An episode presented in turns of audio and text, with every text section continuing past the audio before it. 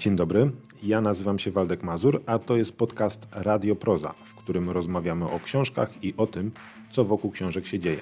Dzisiaj zachęcamy do wysłuchania zapisu spotkania z Piotrem Siemionem, prozaikiem i tłumaczem pochodzącym z Wrocławia, wokół jego najnowszej książki Bella Ciao, która w 2023 znalazła się innymi w finale Literackiej Nagrody Europy Środkowej Angelus czy Nagrody Literackiej Miasta Stołecznego Warszawy. O tę miejscami obrazoburczą i śmiało czerpiącą z popkultury powieść autora pytał Dawid Szkoła. Udanego słuchania.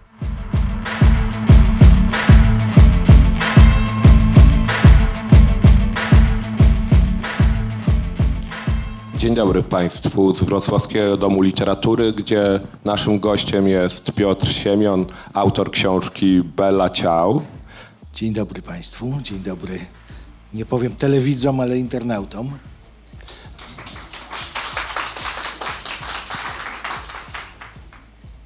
Jest to książka, której tłem, ale nie tematem jest wojna.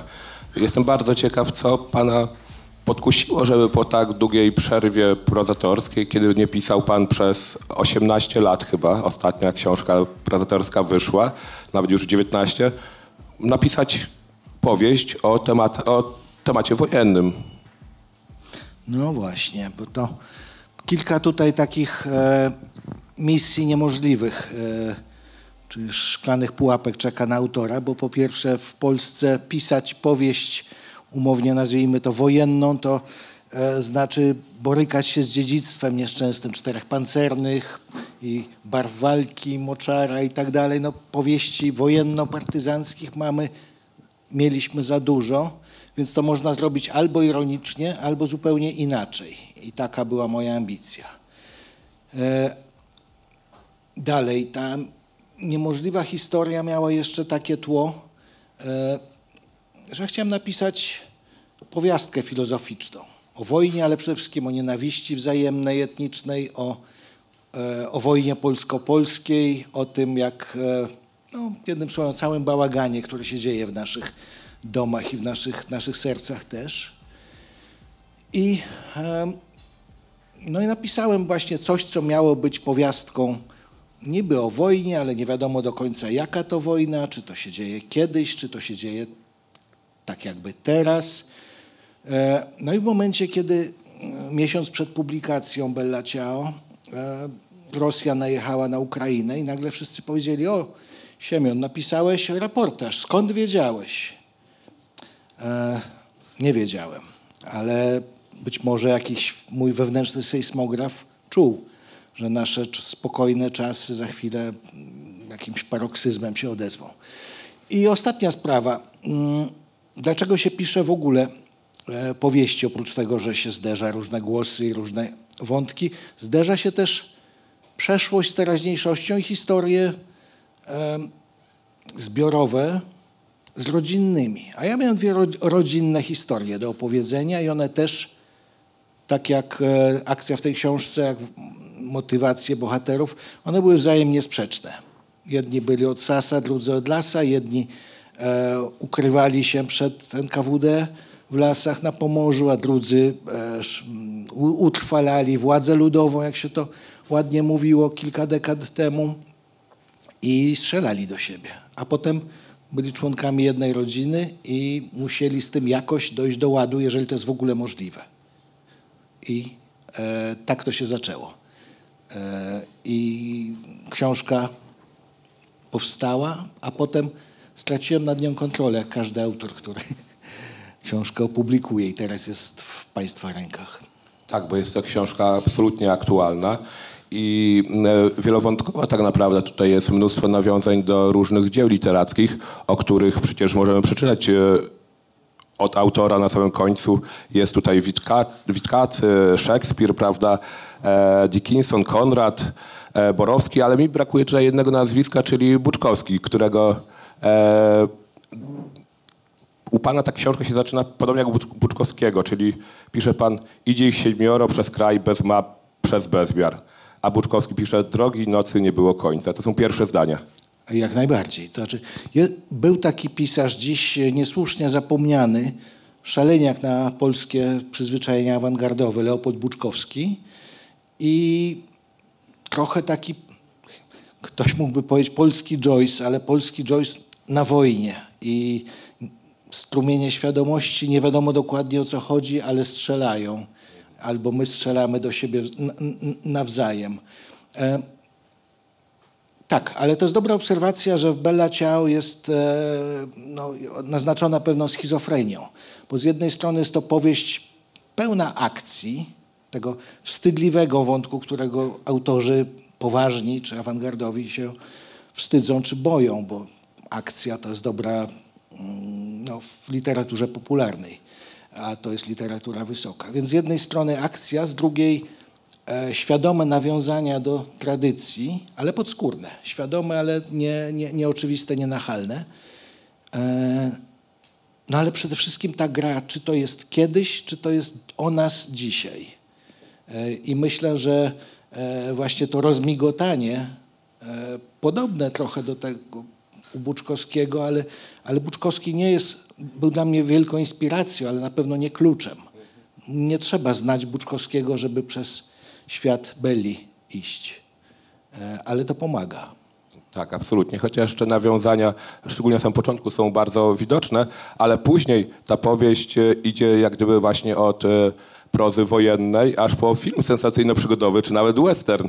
Tak? E, Ma nawet taką strukturę, układ fabuły filmowej, scenariusza filmowego, prawda? E, Tak, z tym, że to jest, e, proszę nie zrozumieć mnie źle jako autora, nie chodziło o to, żeby przygotować już grunt pod ekranizację czy serial na Netflixie. Raczej to jest zabawa z konwencją pewną. Western swoją drogą to jest dzisiaj najmniej popularna, na- najmniej popularny gatunek sztuki filmowej i wydaje nam się naiwny. Tutaj są ci w białych kapeluszach, ci w czarnych, tu dobro, tu zło, tu dzielny szeryf, tu e, bandyci. Tamten świat był prosty. E, a co ze światem, w którym wszyscy są trochę bandytami, a trochę sprawiedliwymi? E, a co ze światem, który nie jest na wojnie, tylko jest po wojnie, wśród chaosu, który nie jest ani pokojem, ani wojną? A co z e, Polską taką dzisiaj, która na wojnie wcale nie jest, tylko z jednej strony ma wojnę tuż za swoją granicą, a z drugiej e, ma coś w rodzaju no, strasznego konfliktu wewnętrznego. A w ogóle skąd ten pomysł, żeby tak pomieszać gatunki właśnie i stworzyć e, z powieści wojennej powieść tak naprawdę przygodową? Mm, To ja powiem tak, z jednej strony ja swego czasu, chociaż dawno temu zrobiłem dyplom z postmodernizmu, więc chciałem, żeby ten dyplom jakoś mi się zwrócił i tak pomieszałem gatunki, ale mówiąc serio, przecież żyjemy w czasach e, montażu, żyjemy w czasach remiksu i żyjemy w czasach, kiedy e, rzetelne, rzewne, proste opowieści z początkiem i końcem trochę nas, nas nudzą. Tym bardziej, że czytelnik już nie spędzi dwóch nocy na, no, ciurkiem na lekturze, raczej poświęci 15 sekund na rozdział, zajmie się czymś innym, może wróci. E, To też trzeba e, wziąć pod uwagę, pisząc. Bo był pan też e, krótki bądź dłuższy czas, to zależy jak to liczyć, w Stanach Zjednoczonych i e, w pańskim tekście dla tygodnika e, wyczytałem, że właśnie trzeba umieć żonglować 36 piłeczkami bez mielizn i słabizn. I ta proza jest bardzo w moim przekonaniu też amerykańska. No to prawda, że e, czy mówimy o amerykańskich westernach sprzed 60 lat, czy mówimy o amerykańskim postmodernizmie, e, czy mówimy wreszcie o samym tempie, w jakim mm, ten późny kapitalizm, do jakiego nas zmusza, to na pewno była to dla mnie ogromna szkoła po wyjeździe z, e, nie powiem, że z Polski, ja nie wyjechałem z Polski, tylko wyjechałem z tego miasta prosto do Ameryki. Ono z jednej strony to miasto, czyli Wrocław.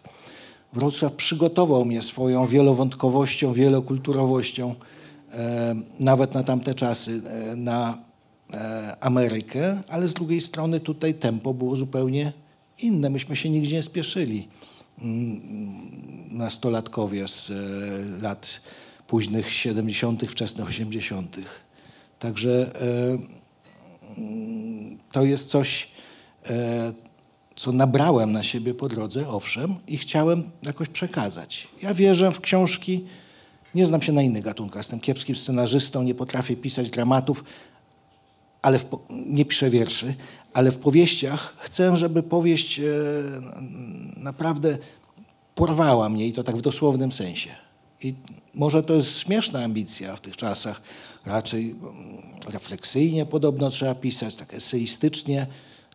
Pewnie bym umiał, ale nie chcę. Tak, to prawda, bo przecież jak popatrzymy na historię polskich powieści wojennych, e, to one są e, właśnie pełne mielizn, e, takich wymiaru też filozoficznego, ale takiego głębokiego, tak, są tam na przykład sceny też przemocy, gwałtu. Tutaj one są gdzieś obok, prawda, ta, ta powieść jest całkowicie o czymś innym, tak, ta, ta wojna jest tylko i wyłącznie e, tłem, ale mm, co pana skłoniło właśnie, żeby pisać w taki sposób szybki, tak, właśnie, żeby tę książkę nie czytać przez pięć tygodni, dwa tygodnie, tylko faktycznie się czyta w dzień, dwa dni. No, potem można drugi raz i odkrywać te wszystkie tam nanizane fajności, sztuczki, cytaty, ale nie o to chodzi. E, chodzi o to, no właśnie, bo co jest tematem Bella Ciao? E, chciałem pokazać ludzi, w, kilka przybliżeń. Chciałem pokazać ludzi w niemożliwej sytuacji, jaką jest przemoc i chaos po, powojenny, czy stan anarchii. Chciałem pokazać nie, nie ludzi abstrakcyjnych i niedzielnych żołnierzyków, tylko em, to mógłby być każdy z nas. Niedzielnych żołnierzyków, na przykład taka sztuczka jest w tej książce. Em, może robię krzywdę temu zabiegowi, mówiąc sztuczka, ale na przykład wszystkie nazwy broni, to co zwykle pasjonuje tych czytelników książek wojennych z wydawnictwa Bellona i tak dalej, pozamieniałem, wymyśliłem wszystkie nazwy broni na jakieś swoje, tak, żeby nie przeszkadzały. Nawet mi zwracano uwagę, że proszę pana, nie ma takich karabinów. Całe szczęście, że nie ma. Wymyśliłem swoje, żeby nie przeszkadzały. A trzecia, trzecie przybliżenie jest takie, nie chciałem pokazywać mężczyzn na wojnie, którzy strzelają do siebie, ewentualnie spalą wioskę albo zgwałcą tam kobiety, bo znowuż to jest sztampa i to jest e, pewnie nieprawda. Natomiast chciałem pokazać przede wszystkim kobiety na, wplątane w wojnę. Kobiety, które jedne są, owszem, tradycyjnie ofiarami, ale też niektóre są żołnierkami, morderczyniami na zamówienie e, albo szefa, szefowymi gangów rabunkowych na tym pomorzu dosyć umownym z mojej książki. Tak, to jest też ciekawe zjawisko, bo raczej bohaterami e, powieści wojennych to są mężczyźni, prawda? Jeżeli popatrzymy na polską powieść, to głównie to są mężczyźni, a tutaj u pana to są kobiety. Zresztą dwie kobiety. Jedna jest, e, dwie są siedmiunastolatkami, ale wszystkim się różnią. W ogóle skąd ten pomysł, żeby to kobiety właśnie i tak dwie różne? No bo tak po prostu coraz częściej jest, a może zawsze tak było, tylko się o tym nie pisało, więc był ten, e, brak było tego portretu kobiet na wojnie. No a po drugie, no jak mój kolega z dawnych lat, Lech Janerka, śpiewał, że ta za, e, śpiewał w walkach z milicją i tak dalej, że ta zabawa nie jest dla dziewczynek. Ona może, ona na pewno nie jest dla dziewczynek, dla chłopców też słabo, ale tak czy inaczej dzi- dziewczyny też idą na wojnę, albo wojna też je wciąga. Wojna, konflikt, e, rozruchy uliczne i, e, i teraz to było dla mnie przede wszystkim otwarte pytanie. Co zrobią, jak się będą zachowywać w tak ekstremalnych sytuacjach właśnie nie mm, postaci żołnierzyków z tektury, tylko żywe z krwi i kości i e, wśród- zagubione wśród brutalnych mężczyzn, właśnie postaci kobiece. To było dla mnie e, bardzo ważne. I to są właściwie Spinka, 17-letnia właśnie, e, morderczyni i, i Nata, e, wzięta przez nią do niewoli, zaprzyjaźniają się i to, to, to są dla mnie dwie główne postacie w Belli. Tak, i pomiędzy nimi jeszcze się tworzy e, pewnego rodzaju intymność, prawda, która nie jest wyrażona wprost, ale jest wyczuwalna. Tak, i intymność to jest dobre określenie na to, bo to broń Boże nie jest żaden znów wzięty z jakichś strasznych filmideł romans dwóch kobiet wśród chaosu. One szukają bezpieczeństwa, one szukają intymności, one szukają schronienia i w jakiś sposób znajdują je w sobie nawzajem. Natomiast e, nie ma to nic wspólnego z takim właśnie sztampowym znowu oglądem, że e, proszę, kolejna atrakcja. e, z komiksu rodem. Tak, ale e, faktycznie, bo to oni są zarazem żołnierzami, ale też są ofiarami, prawda? I to widać tam nawet pada w książce e, takie słowo jak e, anabaza, czyli właśnie podróż przez greckich żołnierzy, którzy poszli na wschód, zwyciężali bitwę, ale przegrali wojnę koniec końców i uciekali tak jak u pana na północny zachód, w stronę morza po prostu. No tak, e, Grecy u Ksenofonta przeszli kilka tysięcy kilometrów przez wrogą, wrogi kraj, przez pustynię, żeby dotrzeć do domu. Tutaj jest oczywiście w mikroskali też podobna e, wędrówka, z tym, że z, jednym, z jedną różnicą istotną, bo oni nie wiedzą, czy tam jest jakiś dom na nich czeka. Raczej, raczej przyszłość nie, jest nieodgadniona i, i, i być może groźna. E, tak to było e, właśnie, ale dajmy spokój Grekom. To, to, to jest też historia mojego dziadka, który gdzieś spod Augustowa z, z, z leśnej partyzantki e, uciekał najpierw do Gdyni, bo myśleli z kolegami, że w, za, e, zakradną się na statek i popłyną, a, ale potem się osiedlił tam po prostu, w takim pomorskim miasteczku, jak to z mojej książki a potem siedział w więzieniu stalinowskim, a potem no, wrócił do tego miasteczka.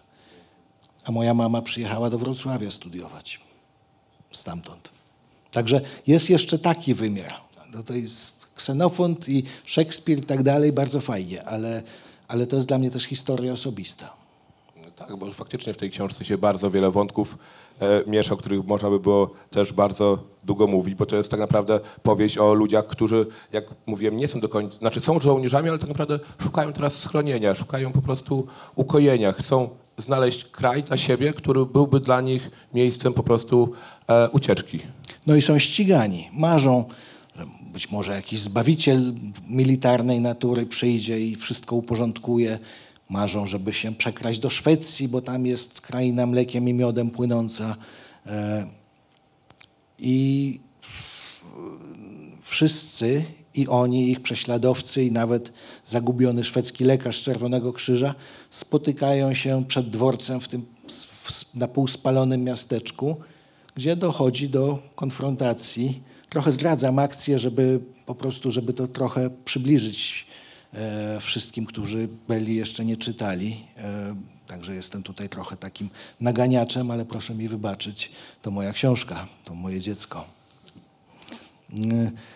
No tak, i właśnie tam jest węzeł kolejowy w tym miasteczku, ale to jest też węzeł ludzkich losów i taki e, herbertowski, okrwawiony węzeł, e, w którym jest e, polskość. No i jest próba. I na tym węźle kolejowym też mieszają się ludzkie losy w ten sposób, jak to bywa często właśnie w filmach sensacyjnych. Bardzo, bardzo chaotycznie. Przypadek, przyczyna, ktoś wysadza prawda, tory, gdzieś się zatrzymuje pociąg i zaczyna się cała afera. Więc tutaj mamy taki właśnie rys e, westernowy, tak, trochę właśnie Sienkiewicza, takie, tego typu klimaty właśnie, takie pomieszanie losów. To ja znów odczaruję trochę, bo tak, oczywiście, że mm, Sienkiewicz i Fortele pana Zagłoby można by iść tym tropem i, albo westernowym, e, ale tak się składa, że taka historia była i była u mnie w rodzinie, że w 1945 roku, jakoś zimą, mój stryj miał lat 19 i był e, komendantem milicji obywatelskiej w Jarocinie. E, był chyba tam najstarszy i najbardziej doświadczony w tym 19 roku życia. I na stację w Jarocinie zajechał pociąg pełen pijanych ro- rosyjskich żołnierzy, którzy najpierw kogoś tam obrabowali, a potem powiedzieli, że spalą miasto, jeżeli nie zostaną im wydane właśnie klucze do miasta i tak dalej. I wtedy tenże mój krewny wyprowadził swoich milicjantów ludowych z karabinami maszynowymi na plac przed dworcem, jak w westernie, naprawdę, ale tak było. I kazał im się zabierać. I no, wielka afera, on został potem zdegradowany oczywiście, ale e, miałem w rodzinie western i musiałem to opisać. E, dokładnie tak jak, prawie dokładnie tak jak w Belli. A jeszcze są takie widoczne motywy, że tak powiem, pozaapokaliptyczne, bo tutaj faktycznie trochę wokół tej popkultury musimy się pokręcić, bo mamy jakieś dzieci, które są w lesie, prawda, e, nie wiadomo co to za wojna, e, samoloty nie latają, bo nie ma paliwa, jest taki klimat apokalipsy i nie wiadomo jaka to wojna. To, to też jest bardzo ciekawy pomysł, żeby go wpisać do tej książki. Mm, No tak, bo jeżeli piszemy o tym, co było, na przykład o wojnie, która była, to już wiemy, to czy, czytamy i pi- piszemy i czytamy spokojnie, bo już wiemy, jak to się skończyło. A mnie ciekawiło pytanie, gdyby dzisiaj e, nastąpiła taka mini apokalipsa, nie uchowaj Boże, jak to by wyglądało, jak to, e, kto by tutaj, e, jac, jakich bohaterów by miała. E, żartowaliśmy sobie kilka dni temu e, na podobnym spotkaniu, że gdyby wrocławskie blokowisko, wa- warszawskie, wrocławskie, powiedzmy odcinamy Nowy Dwór albo Gondów od wody, prądu, e, wywozu śmieci, gazu i po jakim czasie, aha i otaczamy murem, po jakim czasie zacząłby się chaos, po jakim czasie między blokami zaczęłyby się walki, kiedy padłaby broniona do ostatka ostatnia żabka. E, I, I to są niby wydawałoby się no, takie z, z, zabawne i czysto teoretyczne pytania, ale kiedy patrzymy na, e, na to, co serwuje nam rzeczywistość albo tuż za granicą, czy w, w, w strefie gazy i okolicach, to się może zdarzyć. To jest więcej niż teoretyczna zabawa, to, jest, to, jest to nie są ćwiczenia, a raczej przymierzmy się do tego, do apokalipsy, bo wtedy będziemy wiedzieli więcej o sobie i o bliźnich. Absolutnie, bo ta książka nie tylko ma wiele wymiarów literacko-popkulturowych, ale również takich e, dzisiejszych, prawda? Nasi bohaterowie, tu już było to zdradzone, nie chciałem o tym e, tego zdradzać, ale faktycznie chcą popłynąć do Szwecji, prawda? Więc można ich odczytywać jako po prostu imigrantów, którzy szukają lepszego losu. No tak, e, to jest osobny wątek. Akurat u początków tej książki, siedem lat temu chyba w Krakowie, rozmawiałem z redaktorem Jerzym Ilgiem ze Znaku, słynną postacią, i mnie zapytał, panie Piotrze, pan jeszcze w ogóle coś napisze? E, napis, powiedziałem mu, że e, owszem, tak my, marzy mi się książka, w której żołnierze wyklęci na łodziach uciekają na zachód. E, czyli e, kompletny miks narracji, że tak powiem, pisowskiej czy prawicowej z, z tym, co widzieliśmy w telewizji, co nadal trwa po prostu. Uchodźcy na pontonach szukający tego lepszego życia, czy w ogóle życia. I to był żart oczywiście mój, ale, e, ale tak się złożyło, że z tego żartu powstała książka, już kompletnie już nie, nie żartobliwa. I też widzimy teraz, że w przeciągu paru lat wybuchły nam dwie wielkie wojny, tak naprawdę, trzeba tak to nazwać, gdzie mnóstwo ludzi cierpi, e, gdzie mnóstwo ludzi chce lepszego losu i ucieka ze swoich krain. Tak? I teraz właśnie też pytanie, e, czy co z nimi zrobimy, czy nie będzie takiej sytuacji, jak mówił, a propos tutaj Konrad już cytowany, wytępić całe to bydło, prawda? No tak, nie wpuścić, wytępić. To jest jeden problem bez łatwych odpowiedzi. Oprócz tego, że nieładnie jest wytępić rodzaj ludzki, e, co, co niby oczywiste, ale nie, nie dla wszystkich. Z jednej strony to, ale z drugiej strony mm, tu są w Belli sceny takich dialogów przy przesłuchaniach, e, dość krótkie, i, mm, ale istotne, bo mm, czy one nie brzmią chwilami, właśnie na tym złapałem, czytając to ponownie, e, jak no, przy zachowaniu wszystkich proporcji, jak debata wyborcza w telewizji. Absolutnie. E, kiedy po prostu wszyscy głośno podają swoje racje, one są nie do pogodzenia. I wygrywa oczywiście tylko ten silniejszy. Tak, absolutnie. To widać tutaj jeszcze, e, przyszła mi na myśl taka książka Kesslera, e, Ciemność w południe, gdzie w podobny sposób były te przesłuchania, tak, e, i ktoś tworzy nowy świat, a ktoś przeciwko temu nowemu światu się sprzeciwia. I wszy, obydwaj mają tak naprawdę rację i żaden z nich nie ma racji, tak, bo faktycznie to, co pisał Buczkowski, co rządzi światem, stukanina, czyli siła mocniejszego. Siła. No, ale u Kestlera w ciemności w południe mnie bardzo mm, przeszkadzała ta książka w odbiorze, ponieważ tam jest przesłuchujący i tam jest e, polityk uwięziony i oni sobie całymi dniami grają w szachy, rozmawiają. To są niby przesłuchania, ale to są właściwie takie gawędy. Nie ma tam bicia, nie ma tam polewania zimną wodą i w ogóle jest tak, e, no właśnie, to jest dopiero powiastka filozoficzna, a ja chciałem skądinąd wiedząc, że to nie mogło tak wyglądać i to tak nie wygląda. Raczej e, no stąd e, ta momentami brutalność byli. Także z protestu przeciwko takim li- literackim, wygładzonym, wylizanym opowieściom o godnych siebie przeciwnikach, rywalach. Nie, no, pobiją się zaraz, dadzą sobie po twarzy. Tak, i to widać w tej książce też faktycznie. Tutaj mam taki cytat z Kostlera.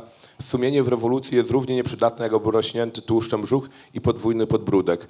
I to widać w tej książce tutaj główni bohaterowie, czyli ten bystry i, e, porucznik, który prowadzi e, wyklętych. Żaden z nich nie ma tego sumienia do końca. Obydwaj walczą o coś, co już nie istnieje u jednego, a u drugiego nie zaistnieje. może nie zaistnieje. Ale właśnie e, tutaj pan dotknął czegoś, co powinno być ambicją każdej powieści. Bo nie, że ludzie są tacy i nie inni, ale powieść jest po to, żeby pokazać, jak ludzie się stają. Jak dopiero mają sumienie, czy nie mają na początku, sami nie wiedzą, to się dopiero okazuje pod ciśnieniem wypadków, pod ciśnieniem e, czasem cud- cudzego karabinu albo ideologii z głośników, albo sytuacji, w której trzeba wybrać, jak w wyborze Zofii z Tyrona, oddać dziecko czy przeżyć, e, to się dopiero okazuje. I jeżeli powieść potrafi pokazać ten proces, to jest ważna, jest wartościowa, jest e, moje ulubione słowo tutaj konieczna.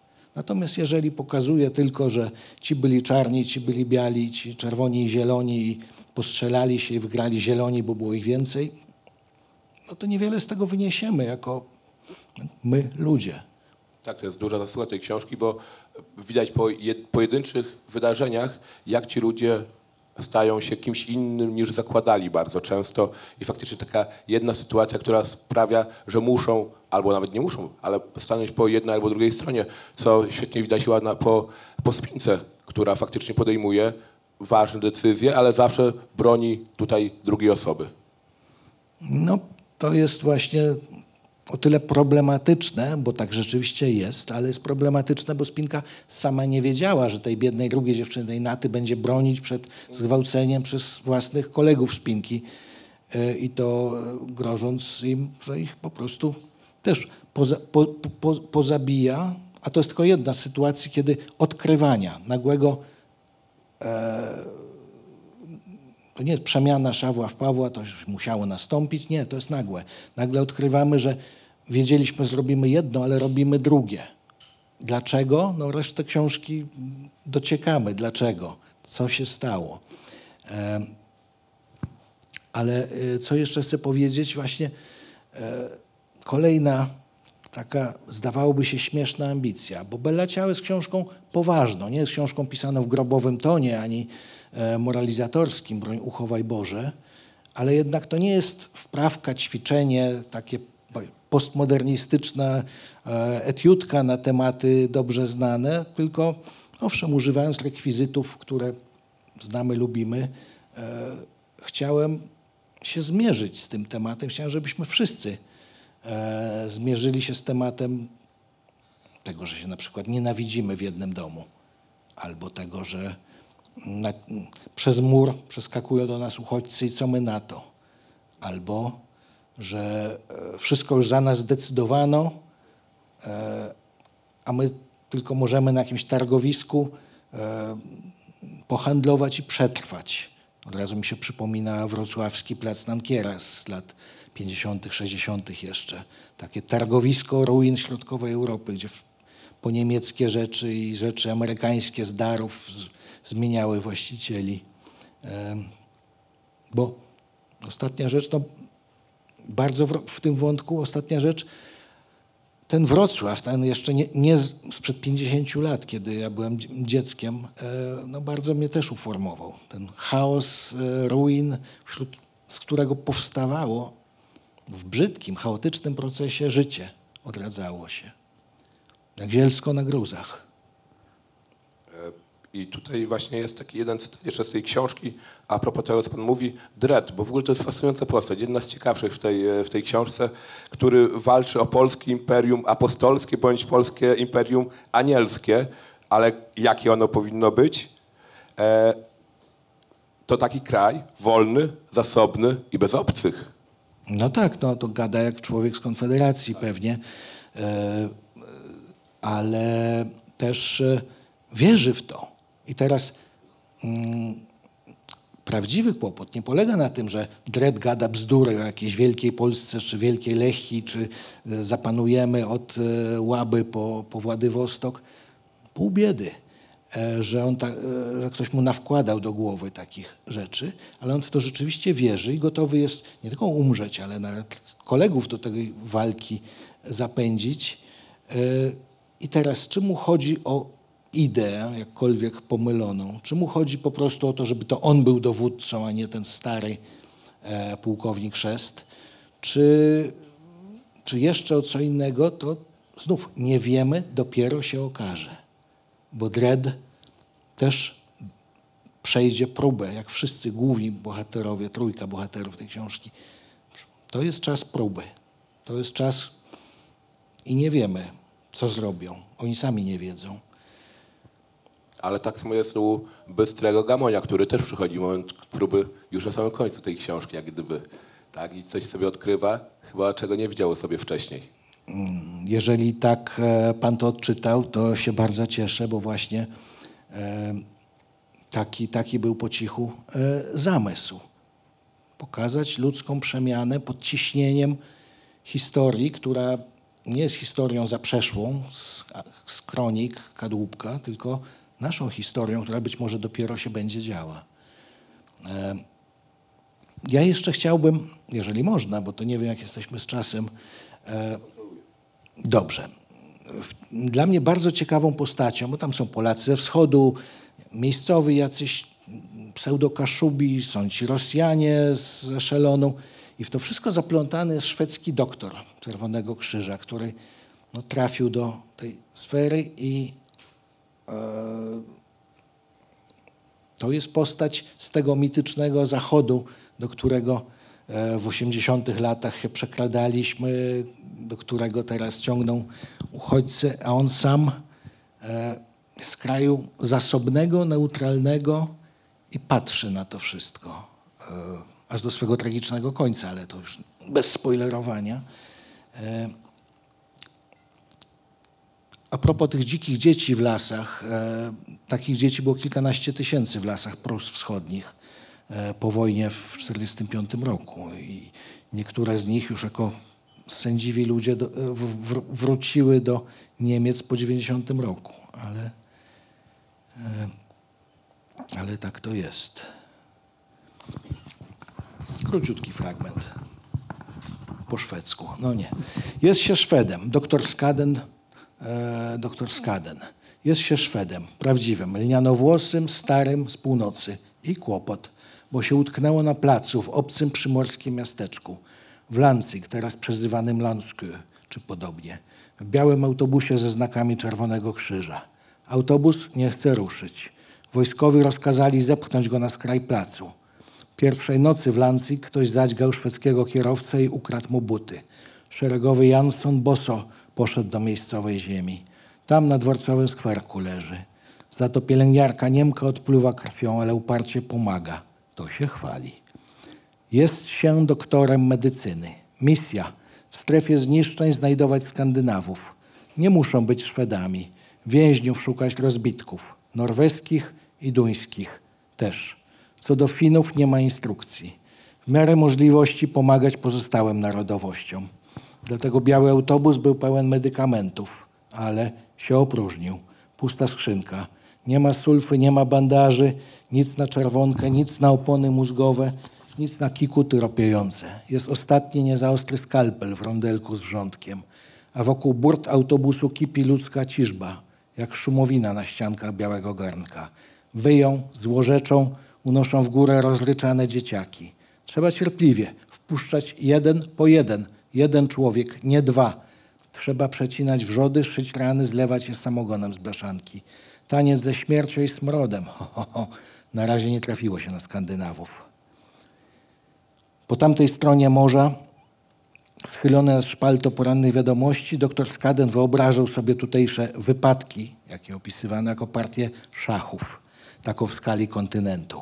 Czarne figury sunące z łoskotem przez lądy, odrzutowe skoki białych koni, wielkie strategie.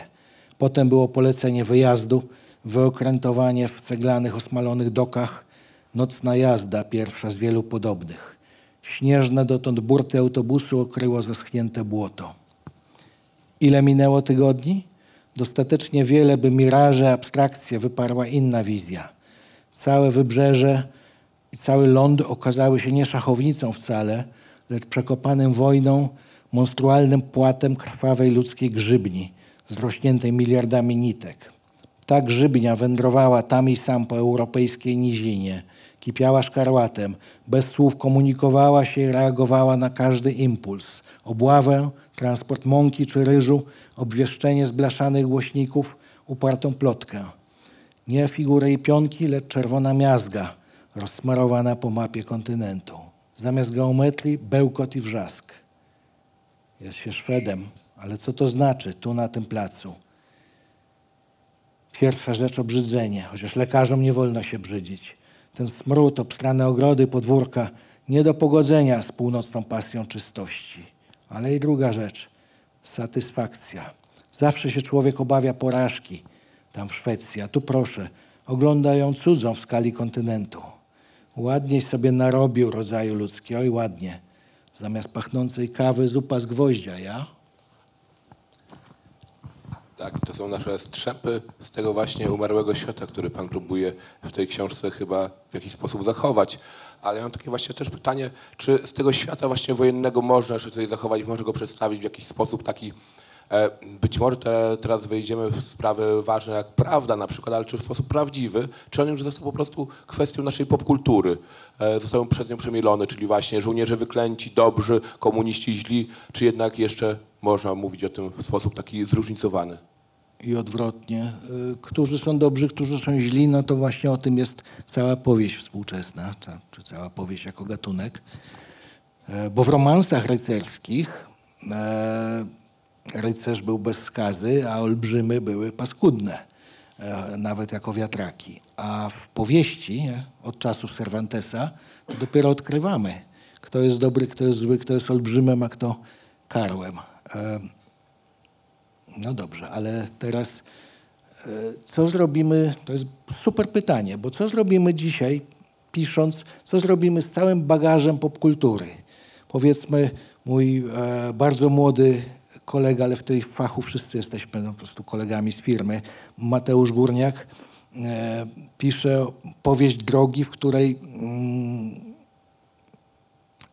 ludkowie, także tak to nazwę, jadący skradzionym samochodem, puszczają sobie piosenkę i podróż trwa 136, od, jeżeli dobrze pamiętam, 136 odtworzeń tej piosenki.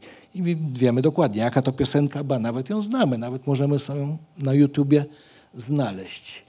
Więc z jednej strony e, na piszącego, na autora, autorkę naciska właśnie walec kolorowy, tęczowy, barwny walec pod popkultury i jeżeli udajemy, że tego wszystkiego nie ma i chcemy pisać bardzo poważnie, to narażamy się na śmieszność, na koturnowość. Z drugiej strony, jak się rzucimy w te kolorowe piłeczki między nie i zrobimy z nich swoje dzieło, no to czego tam zabraknie? Nawet jeżeli nie zabraknie nam prawdy, czy tej werystycznej, to czy to będzie godne uwagi czytelnika, czy warto kupić, wydać 40 zł e, nawet po zniżce na takie wydmuszki. Więc to są te dylematy. Nie mogę tego zlekceważyć, kolorowego świata popkultury, ale nie mogę pisać wydmuszek, bo szkoda, szkoda nafty, jak mówią. Szkoda mnie, szkoda czytelnika.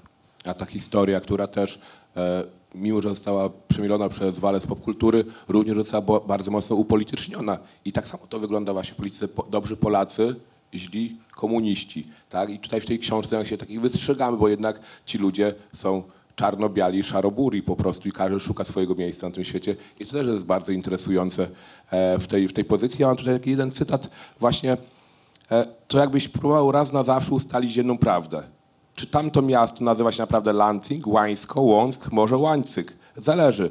Nie przyjdź tak i nie pucuj się na jedyną prawdę. Nie zacieśniaj. Jak tylko zacieśnisz węzeł, zaraz leje się krew. I czy my właśnie tak nie próbujemy zacieśniać dzisiaj?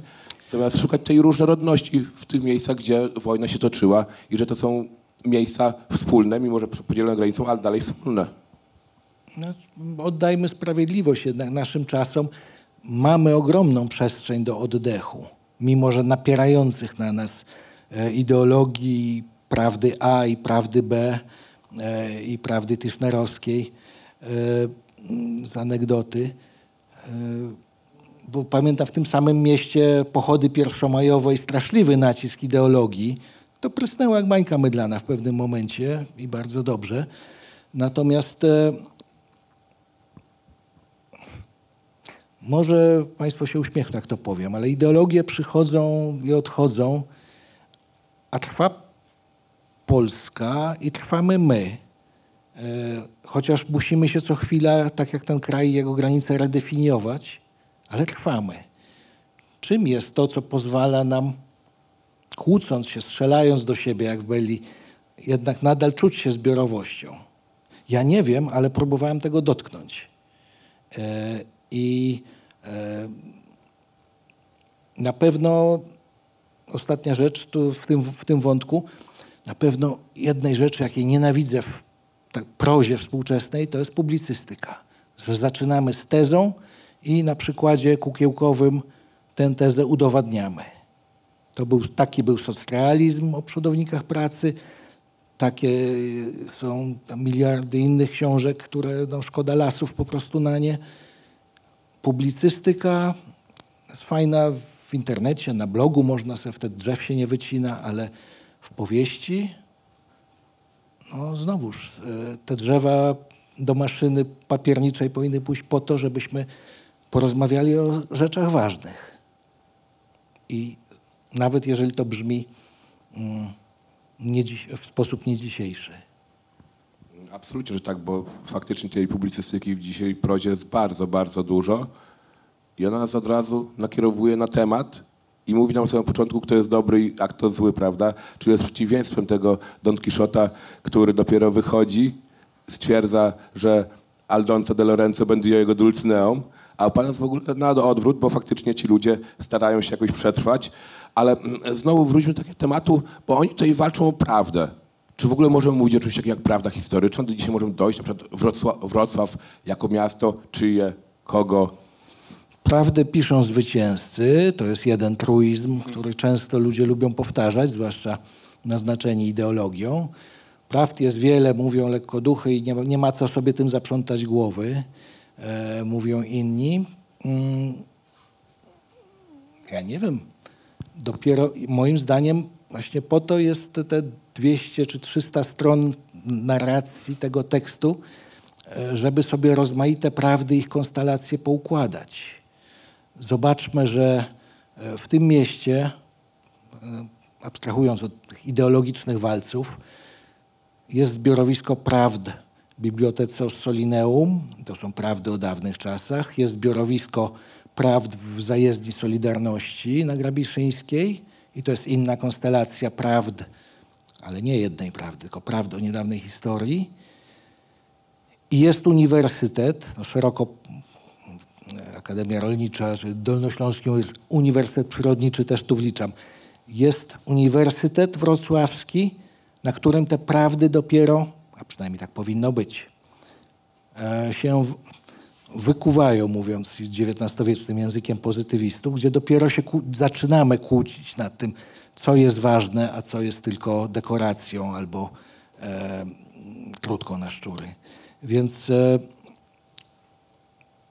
nie chcę mówić, że to Bella Ciao jest książką prawdziwą, czy wyrażającą prawdę. E, to jest książka z jednej strony o poszukiwaniu prawdy w, wielu, w wykonaniu wielu bohaterów, no i też jest to wysiłek autora, który próbuje ale nie tylko głosić prawdę, tylko po pierwsze jakoś ją objąć, a po drugie samemu pojąć, jak to właściwie było i co to znaczy dla nas dzisiaj. Y, I to jest właśnie może wada tej książki, e, że ona z jednej strony ma wiele okropnych scen, ostrzegam, ale z drugiej jest poważna. Bez tego ironicznego pokazywania języka. Tam jest sporo sarkazmu i tak dalej, ale nie o to chodzi. Chciałem napisać poważną książkę. To brzmi dziwnie, prawda? No ta książka jest na pewno nowoczesną książką, ale która nie pomija ważnych tematów, czyli nie jest książką publicystyczną, e, nie jest książką z tezą od samego początku. Jest napisana żywym i faktycznie no, e, dość e, nowoczesnym językiem i właśnie te nawiązania do popkultury, dlatego o tym tutaj mówiłem. Ale ona dla mnie jest dlatego bliska właśnie Buczkowskiemu, bo ja z niej wyniosłem rzecz, która dla mnie w tym wypadku jest najważniejsza, jak ją czytałem, że życie jest najważniejsze. I to widać na przykład podczas rozmowy z Pinki, chociażby z Dredem, ale nie tylko. No, tak. e, Kolejny e, problem książki wojennej od czasów Iliady. Bohater, Heros, e, ten na pierwszym planie z mieczem i w złotym hełmie, mm, on nie walczy o swoje życie czy o przetrwanie, on walczy, żeby najlepiej godnie umrzeć za godną sprawę. Z drugiej strony jest literatura przetrwania, tak opowiadanie o Święcimskie Borowskiego, gdzie bohater, nie mylić go z autorem, na, na, należy, ale bohater zrobi wszystko, żeby przetrwać. Zabierze dziecku kromkę chleba, e, bo chodzi o życie. Ale znowu, ja nie mogę powiedzieć, życie jest najważniejsze i książka jest o tym, że na koniec końców okazuje się, że to życie jest najważniejsze. Ja chciałem dopiero pokazać e, ten proces wyborów. Tak, życie, ale czy życie za wszelką cenę? Czy wsiądziesz na statek? Tam jest taki stateczek, do, który ma odpłynąć do Szwecji. Czy, czy pułkownik Chrzest wsiądzie na statek? I możemy mrugać, że to jest takie odniesienie do Konrada i Lorda Jima.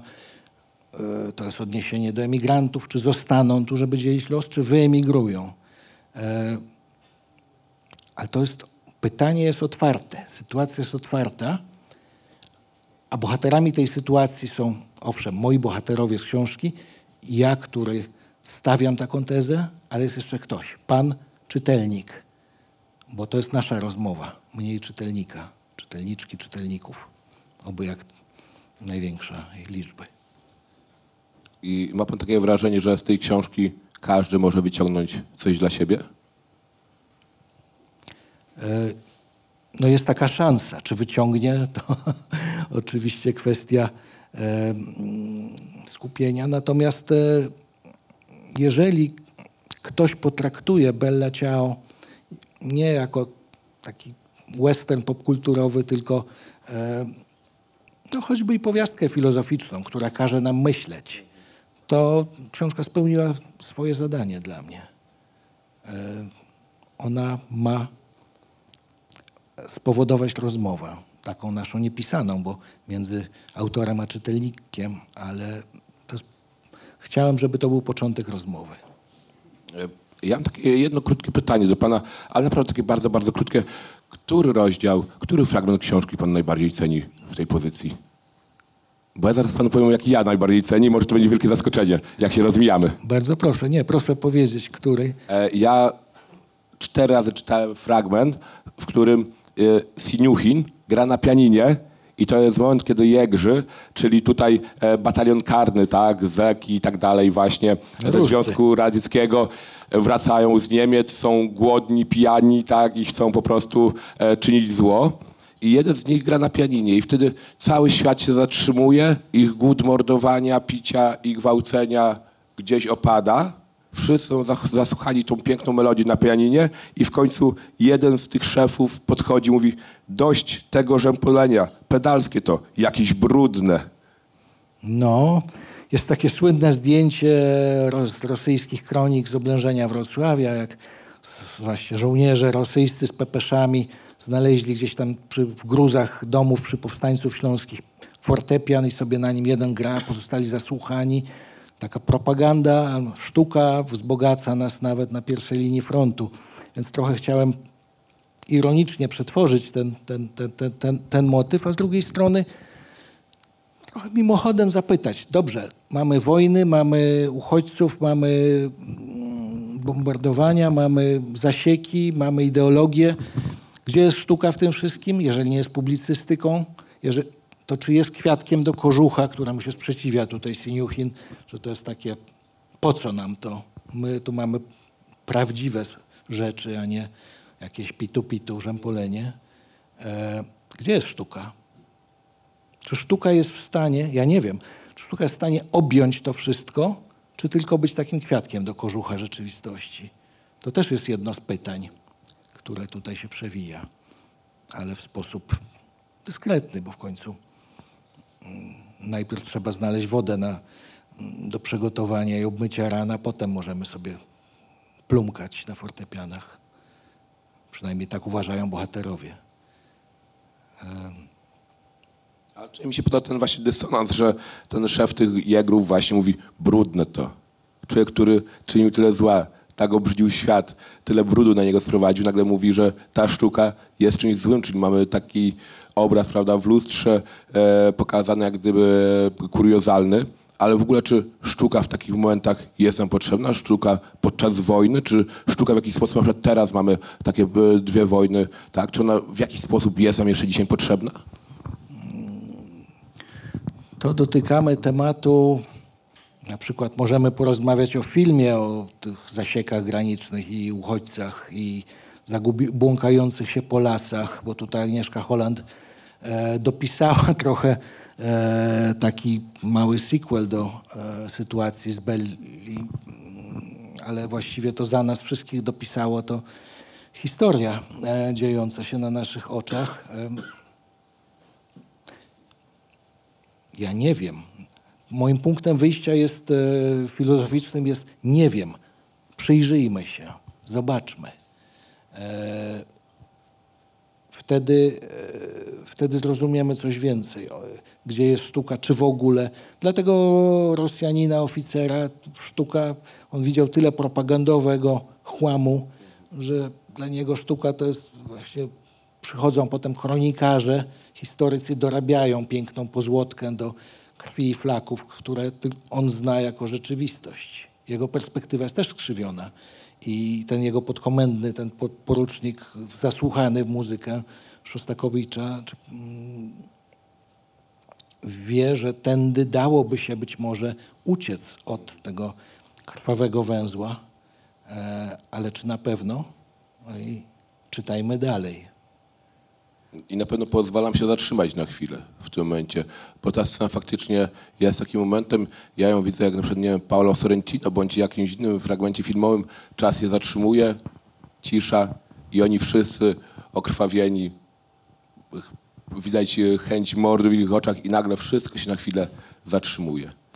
Ale jeżeli chodzi o moją ulubioną scenę, to widzę tu na sali kilka twarzy z moich warsztatów pisarskich. Ja to wam opowiadałem, ale podzielę się z resztą e, sali e, taką obserwacją. Jeżeli pisarz ma swoją ulubioną scenę, która mu się strasznie podoba i widzi, że to jest właściwie dla niego oś książki, największy cymesik, to należy być dzielnym i tę scenę wyciąć, bo zabić, m, usunąć z, z pola widzenia, bo prawdopodobnie ona się podoba tylko autorowi. I żeby nie być gołosłownym, mm, ja sobie myślałem, pisząc Belle, przymierzając się do pisania, że tam będzie taka centralna scena i w niej ci żołnierze znajdą takie gdzieś tam zostawione, ale bez paliwa, takie działo pancerne na gąsienicach, E, nawet wiedziałem jakie, że ono się nazywa Hecer, że armata ma 75 mm i oni tym mini czołgiem będą tam szaleć po ulicach miasteczka i to będzie takie fajne. Potem się zastanowiłem, mówię, Piotr, po co ci działo pancerne Hecer? Przecież nie o tym jest ta historia. Przecież się ośmieszysz, bawiąc się w jakieś rekwizyty, które są może dla ciebie. Wycinamy to. Nie o tym jest. A o czym? No zobaczmy, na pewno nie o tym, co jest moim jakimś hobby konikiem, ulubionym punktem widzenia, sprawą prywatną. Piszmy o sprawach pro publico bono publicznych. E, Wspólnych. Ja jeszcze mam tutaj dwa pytania, ale widzę, że powoli czas nam się kończy, bo mam tutaj nakaz skończyć 15 po. Czy są wśród Państwa osoby, które chciałyby zadać pytanie?